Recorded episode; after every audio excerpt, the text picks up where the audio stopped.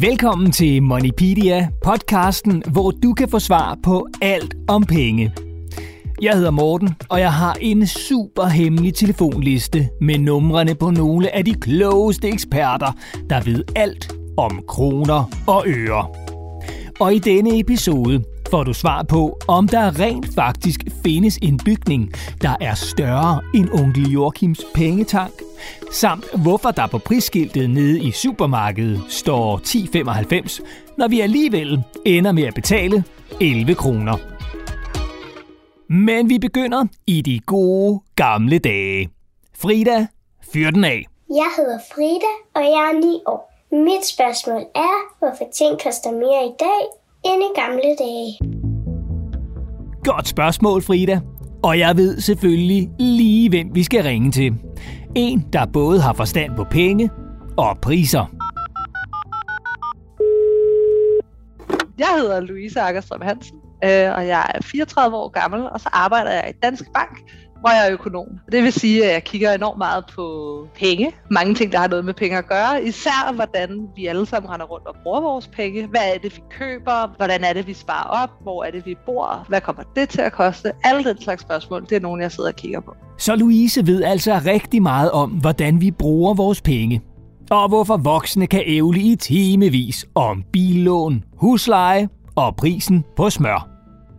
Men selvom Louise ved alt om penge, ja, så har hun altså ikke alle penge i hele verden, og bliver nødt til, ligesom dig og mig, at spare op, hvis der er noget, hun virkelig godt kunne tænke sig. Og det er der. Jamen, jeg vil allerhelst spare op til at komme til Afrika, hvor jeg gerne vil ud og se løver og elefanter i naturen, der hvor de bor normalt. God tur. Men inden Louise pakker solcremen og hopper på flyet til den afrikanske savanne, så skal vi jo lige have svar på det spørgsmål, som Frida stillede. Nemlig, hvorfor ting koster mere i dag end i gamle dage. Ja, men det er et rigtig godt spørgsmål, det her med, hvorfor koster ting mere i dag, end de gjorde i gamle dage. Jeg kan selv huske, da jeg var lille, så kunne man altså få en is for en femmer.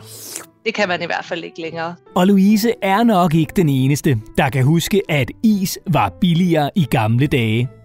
Prøv en gang at spørge din mor, far eller dine bedste forældre, hvad en is kostede dengang de var børn. Og selvom du måske synes, det er en anelse urimeligt, at is er dyrere i dag end i gamle dage, ja, så er der en årsag. En af forklaringerne, det er, øh, at nogle af de ting, man skal bruge for at lave en is for eksempel, de er blevet dyrere. Altså simpelthen, at, øh, at mælken er blevet dyrere, der skal komme ned i isen. Øh, og ham, som står i isbutikken, han skal måske også have noget mere i løn for at stå dernede. Og det gør altså samlet set, at prisen for en is bliver dyrere, end den var, da jeg var lille. Og udover at mælken, man laver is af, bliver dyrere, ja, så har det også betydning for prisen på isen, hvor mange penge din mor og far tjener. Og hvad du får i lommepenge, hvis du får lommepenge. Hvis alle ude i samfundet, de alle sammen går hen og siger, at jeg skal faktisk bruge en lille smule mere i løn, for at jeg har råd til at købe de ting, jeg har lyst til, jamen så stiger priserne på de ting, du har lyst til også. Fordi det er blandt andet, hvad folk får i løn, som er med til at bestemme, hvor meget en vare koster. Hvis du får 10 kroner i lommepenge, men en is koster 11 kroner, så tror jeg, at du vil gå hen til dine forældre og sige, uh, kan jeg ikke godt få 11 kroner i lommepenge næste gang, så der er jeg har råd til at købe en is. Så løn og lommepenge har altså også betydning for, hvad ting koster. Og jo mere vi alle sammen tjener, jo dyrere bliver varerne også. Og selvom det lyder ret fedt med en is til bare 2 kroner, ja, så er det altså ikke sikkert, du ville have haft råd til at købe mange flere is i gamle dage, end du har i dag. Det vigtige er, hvor mange is har du råd til at købe. Så det er altså ikke kun, man skal ikke bare kigge på, at den koster ikke 2 kroner, den koster måske 20 kroner. Men hvad nu, hvis du kun fik 2 kroner i løn dengang, og du får 20 kroner i løn i dag, jamen så har du råd til at købe præcis lige så mange is, som du havde dengang. Med andre ord, behøver du altså ikke være mega misundelig på dine forældre. For selvom isen var billigere, dengang de var børn, ja, så havde de også færre penge til at betale med. Det var første spørgsmål. Og vi skal videre til det næste, som kommer fra Max. Og Max, han har et spørgsmål om en meget rig and. Hej, jeg hedder Max. Jeg er 8 år. Mit spørgsmål er, findes der en tang, der er lige så stor som onkel Joachims? Det vil jeg også gerne vide, Max. Og heldigvis ved jeg lige, hvem vi skal ringe til. Jeg hedder Leila Jerning Grah. Jeg er 35 år gammel, og godt nok så er jeg i arbejde som leder, men det, der er rigtig sjovt og interessant, det er jo, at jeg er donaldist. Og en donaldist, det er sådan en, der er samlet på Anders And, læser Anders And og ved helt ustyrligt meget omkring universet. Så Leila er altså donaldist. Sådan en, der ved alt om Anders And og alle figurerne i Anneby og omegn. Altså en vaskeægte Anders And-nørd. Og når nu man elsker Anders And, som Leila gør, så har man selvfølgelig også et helt rum kun med Anders And-ting. Jeg har jo et helt rum fyldt med Anders And ting. Jeg vil gætte på, at jeg måske har 20-25.000 forskellige ting nede i det rum. Så der er altså nok at give sig til, hvis Leila en dag keder sig og skulle få lyst til at tælle alle sine Anders And-ting. Ligesom onkel Joachim tæller sine penge. Og hvor mange penge har onkel Joachim, verdens rigeste and egentlig? Ja, det ved Leila selvfølgelig også. 27 fatisillioner, 12 multiplioner, 11 trillioner, 27 milliarder, 19 millioner og 25 øre. Og med så mange penge, ja, så kræver det også en stor pengetank. Og Maxes spørgsmål lyder jo, findes der en tank, der er lige så stor eller større end onkel Joachims? Det er jo et mega fedt spørgsmål. Så skal vi prøve at sige, hvordan ved vi så om bygningen? Og vi har ikke målene på bygningen sådan. Men vi kan se, at når der er, vi ser billeder fra Joachims pengetank inde i pengetank, så er der sådan en, en målepæl midt i hans pengebeholdning, som fortæller os, at der er omkring 98 meter penge nedenunder, der hvor Joachim står op på oven på toppen af pengene. Okay, så ved vi altså, at onkel Joachims bjerg af penge måler ca. 98 meter. Det svarer til sådan cirka længden på en fodboldbane. Altså bare i højden. Men hvor stor er selve bygningen? Altså pengetanken så? Så er bygningen jo nok måske 100 gange 100 meter i bredden og i længden, fordi det er jo en firkantet bygning. Og så er den jo så 100 meter i højden også. Så på den måde så får vi, kommer vi frem til, at selve pengetanken må være lige omkring 1 million kubikmeter. Og 1 million kubikmeter. Det er ret meget. Det svarer til en kasse, der er 100 meter lang, 100 meter bred og 100 meter høj. Det er en ret stor kasse og en ret stor bygning. Forestil dig lige, hvis dit værelse var 100 meter højt, 100 meter langt og 100 meter bredt.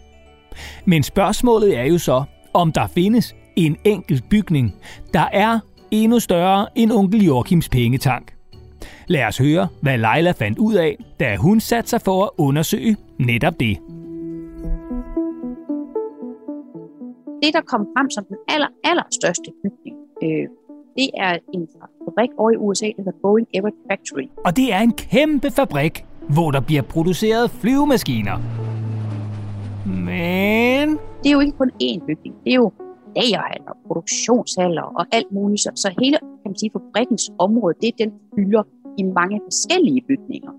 Så rent faktisk så tror jeg, at svaret det er, at nej, der findes ikke én bygning i hele verden, der er lige så stor som Jorgens pengetank. så ifølge Leila er der altså ikke en enkelt bygning i verden, der er lige så stor som onkel Joachims pengetank. Og der er slet ikke en bygning, der er fyldt med penge. Og hvis der nu sidder en skummel type eller to og lytter med og tænker, hmm, skulle man tage et smut til Anneby og forsøge at stjæle onkel Joachims penge, så kan jeg bare sige, det er en på alle måder virkelig dum idé. Joachims pengetank er jo beskyttet af et sindrigt system af alle mulige forskellige ting, som til at, øh, at redde hans penge fra. Især bjørnebanden, som jeg prøver på at stjæle med jævne mellemrum. Så vi snakker jo om faldlem. Vi snakker om kanoner. Vi snakker om bomber, der springer i hovedet på dem. Altså, der er alle mulige farlige installationer. Så, så han har alle mulige forskellige former for fælder, som beskytter sin pengetank. Så kom ikke og sig, at I ikke var advaret. Og tak for hjælpen, Leila. Og nu mangler vi så bare svaret på det tredje og sidste spørgsmål, der kommer fra Ellie. Hej, jeg hedder Ellie. Jeg er 9 år gammel. Mit spørgsmål er, hvorfor er prisen 10,95, når man alligevel skal betale 11 kroner? Tak for spørgsmålet, Ellie. Jeg har tænkt over præcis det samme. Og heldigvis ved jeg lige præcist, hvem der kan svare på det. Jeg hedder Mads Nysted, og jeg er 53 år, og jeg er salgsdirektør i Rema 1000. Så er der nogen, der ved noget om priser på alt fra letmælk og vaniljeis til kattemad og vatpinde.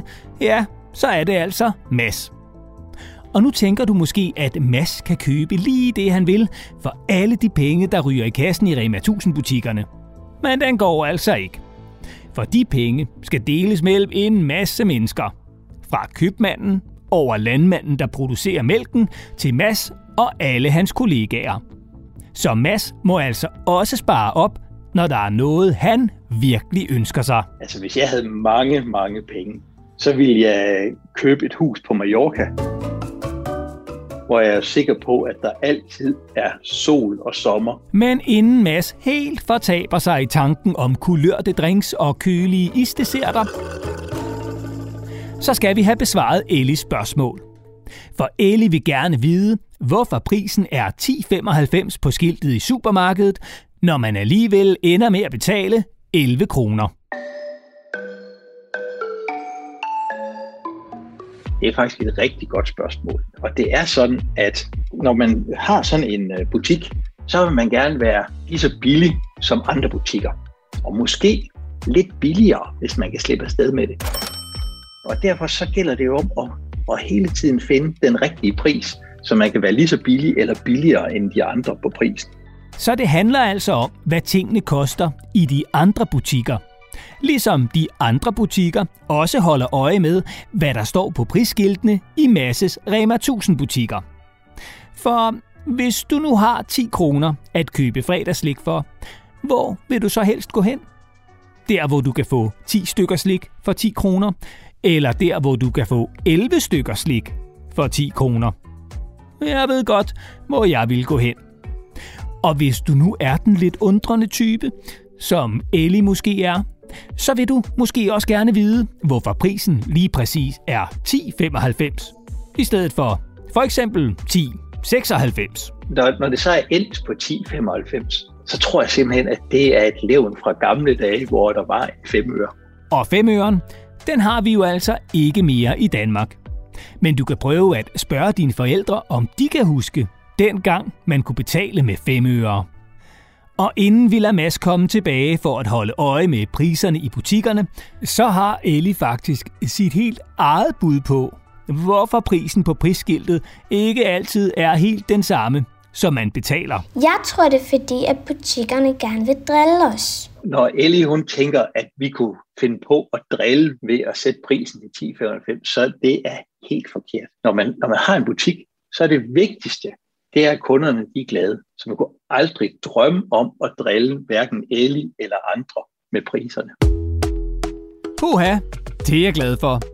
Og udover at det, som Mass fortæller, kan være en fordel at sætte prisen på en vare så lav som muligt, for at få kunderne til at handle i en butik, ja, så opfatter vi jo også priser forskelligt. For eksempel synes jeg, at en trøje til 99 kroner lyder en del billigere end en trøje til 100 kroner, selvom der kun er en krones forskel i prisen. Og på den måde kan det jo være et smart træk fra tøjbutikkens side at prissætte trøjen til 99 frem for 100 kroner. For så er der måske en større chance for, at jeg køber den. Tak for spørgsmålet, Ellie, og tak for hjælpen, Mads. Og på den måde fik vi besvaret alle tre spørgsmål i denne episode af Moneypedia. Og har du også et spørgsmål om penge, du gerne vil have eksperternes svar på, så send det til os på moneypedia så kan det være, det er dit spørgsmål, jeg sender videre til en af de kloge hoveder i min telefonbog. Og hvis du kan lide podcasten, så husk at subscribe i din podcast-app og lav gerne en lille anmeldelse. Så er du nemlig med til at udbrede Monipedia til endnu flere. Tak fordi du lyttede med.